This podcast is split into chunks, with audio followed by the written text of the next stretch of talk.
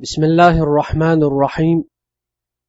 الحمد لله نحمده ونستعينه ونتوب إليه ونعوذ بالله من شرور أنفسنا ومن سيئات أعمالنا. من يهده الله فلا مضل له ومن يضلل فلا هادي له. وأشهد أن لا إله إلا الله وحده لا شريك له. وأشهد أن محمدا عبده ورسوله. صلى الله عليه وعلى آله وأصحابه ومن تبعهم بإحسان وسلم تسليما أما بعد السلام عليكم ورحمة الله وبركاته hurmatli mo'min birodarlar bu shamoili muhammadiyadan o'n to'rtinchi darsimiz bo'lib bu darsimizni payg'ambar sollallohu alayhi vasallamning meva tanovvul qilishlarini bayon etadigan bob bilan boshlaymiz باب ما جاء في فاكهة رسول الله صلى الله عليه وسلم وفيه سبعة أحاديث. أتزين جباب رسول الله صلى الله عليه وسلم نين ميوى يشلارن بيان يتوچ باب در إمام ترمزي ببابتا باب يتتا حدث روايات قلدلار بريوس توخسان حدث قال حدثنا إسماعيل بن موسى الفزاري قال حدثنا إبراهيم بن سعد عن أبيه عن عبد الله بن جعفر قال كان النبي صلى الله عليه وسلم يأكل القثاء بالرطب abdulloh ibn jafardan rivoyat qilinadi aytadilarki payg'ambar sollallohu alayhi vasallam tarraga yangi pishgan xurmoni qo'shib yer edilar bir yuz to'qson sakkizinchi hadis قال حدثنا عبدة بن عبد الله الخزاعي البصري. قال حدثنا معاوية بن هشام عن سفيان عن هشام بن عروة عن أبيه عن عائشة رضي الله عنها أن النبي صلى الله عليه وسلم كان يأكل البطيخ بالرطب. oysha roziyallohu anhodan rivoyat qilinadi aytadilarki payg'ambar sollallohu alayhi vasallam tarvuzga xurmo qo'shib yer edilar bir yuz to'qson to'qqizinchi قال حدثنا إبراهيم بن يعقوب. قال حدثنا وهب بن جرير. قال حدثنا أبي. قال سمعت حميدا يقول أو قال حدثني حميد قال وهب وكان صديقا له عن أنس بن مالك. قال رأيت النبي يجمع بين الخربز والرطب. anas roziyallohu anhudan rivoyat qilinadi u zot aytadilar payg'ambar sollallohu alayhi vasallamni tarvuzga xurmoni qo'shib yeganlarini ko'rganman. Ikki yuzinchi hadis. قال حدثنا محمد بن يحيى قال حدثنا محمد بن عبد العزيز الرملي قال حدثنا عبد الله بن يزيد بن الصلت عن محمد بن إسحاق عن يزيد بن رومان عن عروة عن عائشة رضي الله عنها أن النبي صلى الله عليه وسلم أكل البطيخ بالرطب bu hadis oysha onamiz roziyallohu anhodan rivoyat qilinadi aytadilar. Payg'ambar sollallohu alayhi vasallam tarvuzni xurmo bilan qo'shib yer edilar. Ulamolar aytadilarki bu hadislarda payg'ambar sollallohu alayhi vasallamning tarra va tarvuzga xurmo qo'shib yeganlari bayoni o'tdi. Chunki tarra va tarvuz sovuq mijoz mevalardan bo'lib xurmo esa juda issiq mijozli mevadir. Agar issiqlik meva bilan sovuqlik mevani qo'shib iste'mol qilinsa mo'tadil hol bo'lib inson jismiga zarar yetmaydi. Ya'ni insonning issiqligi oshib yoki sovuqligi ko'payib har kasalliklarga duchor bo'lavermaydi. Payg'ambar sollallohu alayhi vasallam mana shunday salomatchilikka e'tibor berib oshqozonni o'ta sovuqlik yoki issiqlikdan himoya qilar edilar. Balki u zot ovqatlanish borasida eng chiroyli tabobat qonunlarini asoschisi bo'lganlar desak aslo yanglishmagan bo'lamiz. Ikki yuz birinchi hadis قال حدثنا قتيبة بن سعيد عن مالك بن عنس قال حا قال وحدثنا إسحاق بن موسى قال حدثنا معن قال حدثنا مالك عن سهيل بن أبي صالح عن أبيه عن أبي هريرة قال كان الناس إذا رأوا أول الثمر جاءوا به إلى النبي صلى الله عليه وسلم فإذا أخذه رسول الله صلى الله عليه وسلم قال اللهم بارك لنا في ثمارنا وبارك لنا في مدينتنا وبارك لنا في صاعنا وفي مدنا. اللهم إن إبراهيم عبدك وخليلك ونبيك وإني عبدك ونبيك وإنه دعاك لمكة وإني أدعوك للمدينة بمثل ما دعاك به لمكة ومثله معه. قال ثم يدعو أصغر وليد يراه فيعطيه ذلك الثمر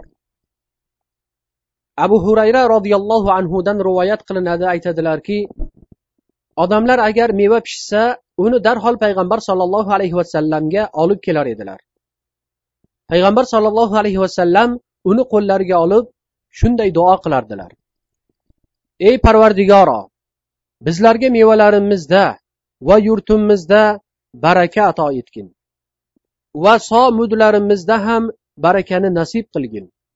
Darhaqiqat ibrohim alayhissalom sening bandang haliling va haq payg'ambaringdir. Men ham sening bandang va payg'ambaringman. U makka uchun senga duo qilgan edi. Men ham madina uchun senga duo qilaman. Balki undanda yana bir barobar ortiq baraka ato etishingni so'rayman. So'ng u mevani oldilarida turgan eng kichik bolaga berar edilar. Ya'ni sahobai kiromlar payg'ambar sollallohu alayhi vasallamning baraka va duolaridan umidvor bo'lib u zotga mevani olib kelardilar. Keyin rasululloh sollallohu alayhi vasallam duo qilar edilar.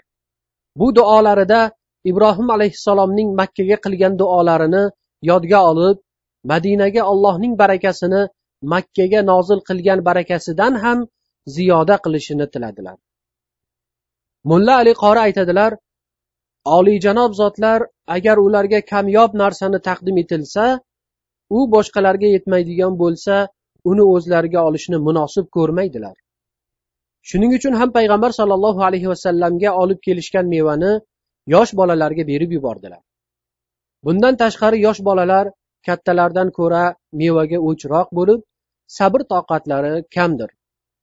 shuning uchun kattalardan ham ko'ra yosh bolalarni ko'proq rioya qilmoq lozim bu hadisda so va mud deb o'tildi so bilan muddan maqsad don dun shunga o'xshagan oziq ovqatlarni o'lchanadigan o'lchov idishidir ikki yuz ikkinchi hadis قال حدثنا محمد بن حميد الرازي قال حدثنا إبراهيم بن المختار عن محمد بن إسحاق عن أبي أبيدة بن عمار بن ياسر عن الربيع بنت معوذ بن عفراء قالت بعثني معاذ بن عفراء بقناع من رطب وعليه أجر من قثاء زغب. وكان النبي يحب القثاء فأتيته به وعنده حلية قدمت عليه من البحرين فملأ يده منها فأعطانيه. ربي بنت معوز ibn afrodan rivoyat qilinadi u ayol aytadilar amakim muoz ibn afro meni bir savatchaga xurmo.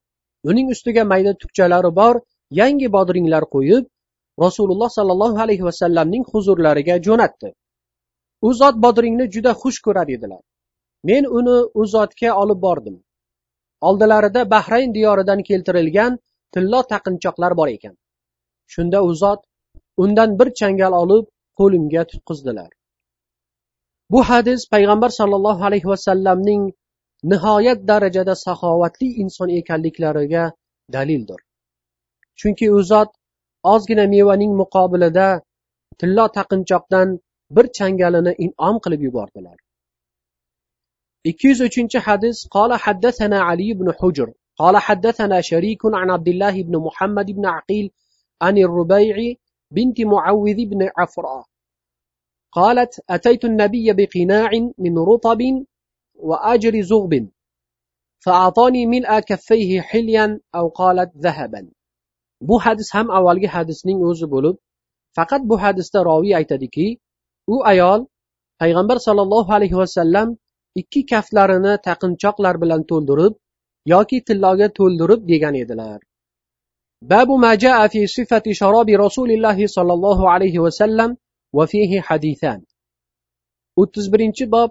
rasululloh sollallohu alayhi vasallamning sharoblari haqida kelgan bob bu bobda imom termiziy ikkita hadisni rivoyat qiladilar ikki yuz to'rtinchi hadis قال حدثنا ابن أبي عمر قال حدثنا سفيان عن معمر عن الزهري عن عروة عن عائشة رضي الله عنها قالت كان أحب الشراب إلى رسول الله صلى الله عليه وسلم الحلو البارد bu hadis oysha roziyallohu anhodan rivoyat qilinadi aytadilar.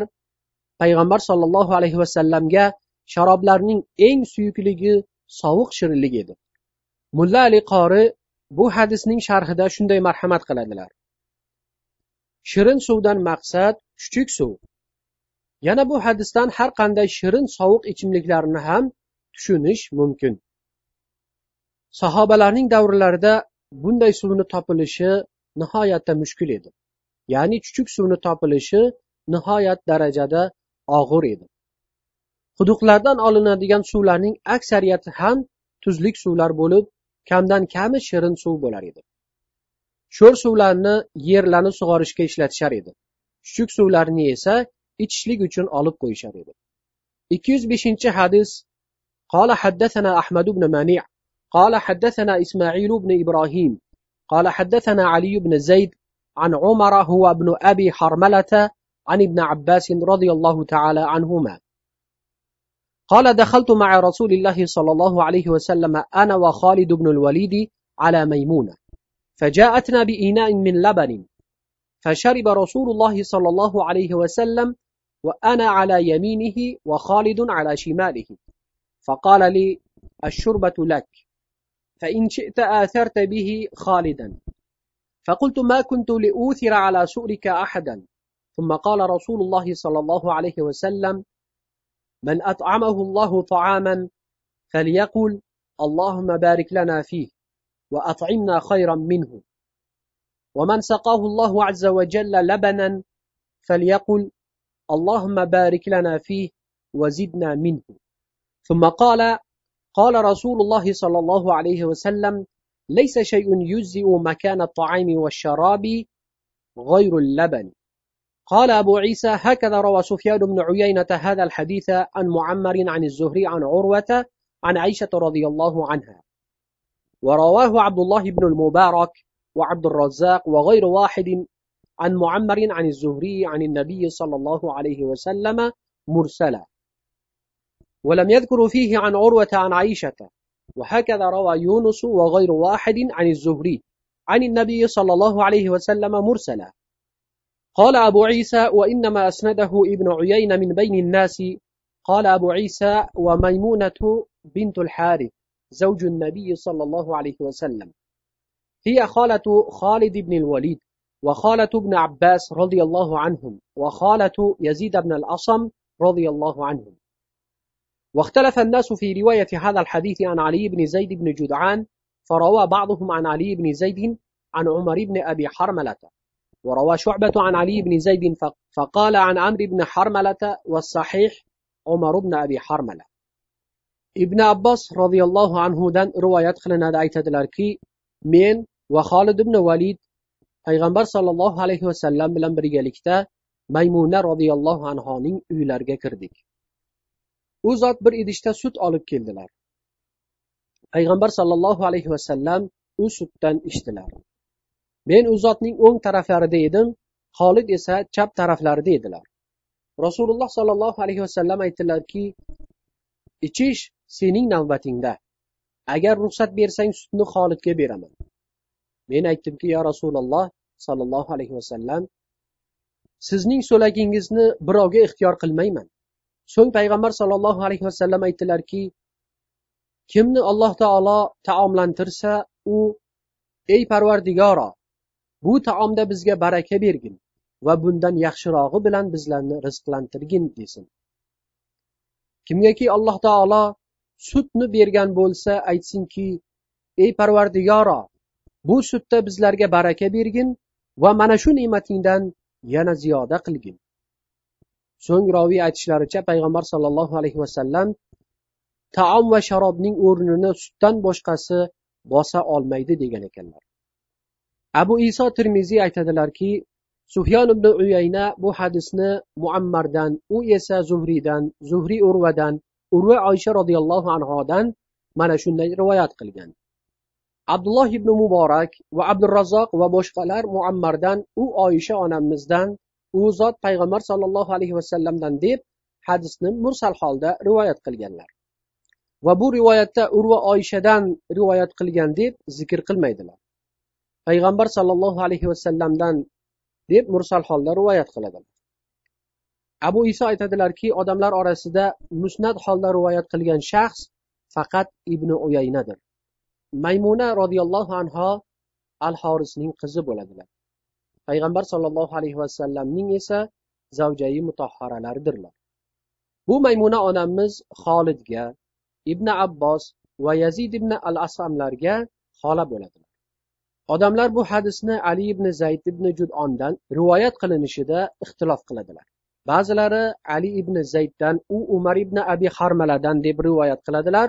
Sho'ba esa ali ibn zayddan rivoyat qilib so'ng amr ibn harmaladan rivoyat deydi. Lekin to'g'ri rivoyat amr emas umar ibn abi harmaladan degan rivoyatdir. Sharob ichishlikdagi sunnat agar ko'pchilik o'rtasida bo'ladigan bo'lsa idishni o'ng qo'ldan aylantirmoqlikdir. Lekin o'ng qo'ldagi kishi yosh bo'lib chap qo'ldagi kishi yoshi ulug' bo'lsa o'ng qo'ldagi kishidan ruxsat so'rab chap qo'ldagi katta yoshli kishiga bersa bo'ladi. Shuning uchun rasululloh sollallohu alayhi vasallam suvni xolid ibn validga berish uchun ibn abbosdan ruxsat so'radilar. Ibn abbos roziyallohu anhu o'sha vaqtda yosh yigitcha bo'lishlariga qaramay rasululloh sollallohu alayhi vasallamning so'laklarida baraka bo'lishiga fahmlari yetgan faqih inson edilar. Shuning uchun suvni boshqa birovga berishlariga ko'nmadilar. Yana bu hadisdan olinadigan odoblardan agar chap tomondagi kishi keksa bo'lsa yoki ulug' va mo'tabar insonlardan bo'lsa o'sha kishini hurmat va rioya qilmoq darkor. Chap tomondagi kishidan izn so'rashni ham unutib qo'ymaslik kerak. Imom termiziyning hadisga bo'lgan sharhlaridan maymuna onamiz huzurlariga payg'ambar sollallohu alayhi vasallam bilan birgalikda kirgan yigitlar u zotga jiyan bo'lib mahram ekanliklarini bilib olganimizdan so'ng bu erkaklar maymuna onamizga kim bo'lisharkin nima uchun u zotning huzurlariga kirib borishdilar deb bosh qotirishimizga o'rin qolmadi desak ham bo'ladi. Darsimizga mana shu yerda yakun yasab alloh taolodan har ishlarimizda tavfiq berishini so'rab qolamiz. Va axiru davana anilhamdulillahi robbil alamin. Assalomu alaykum va rahmatullohi va barakatuh.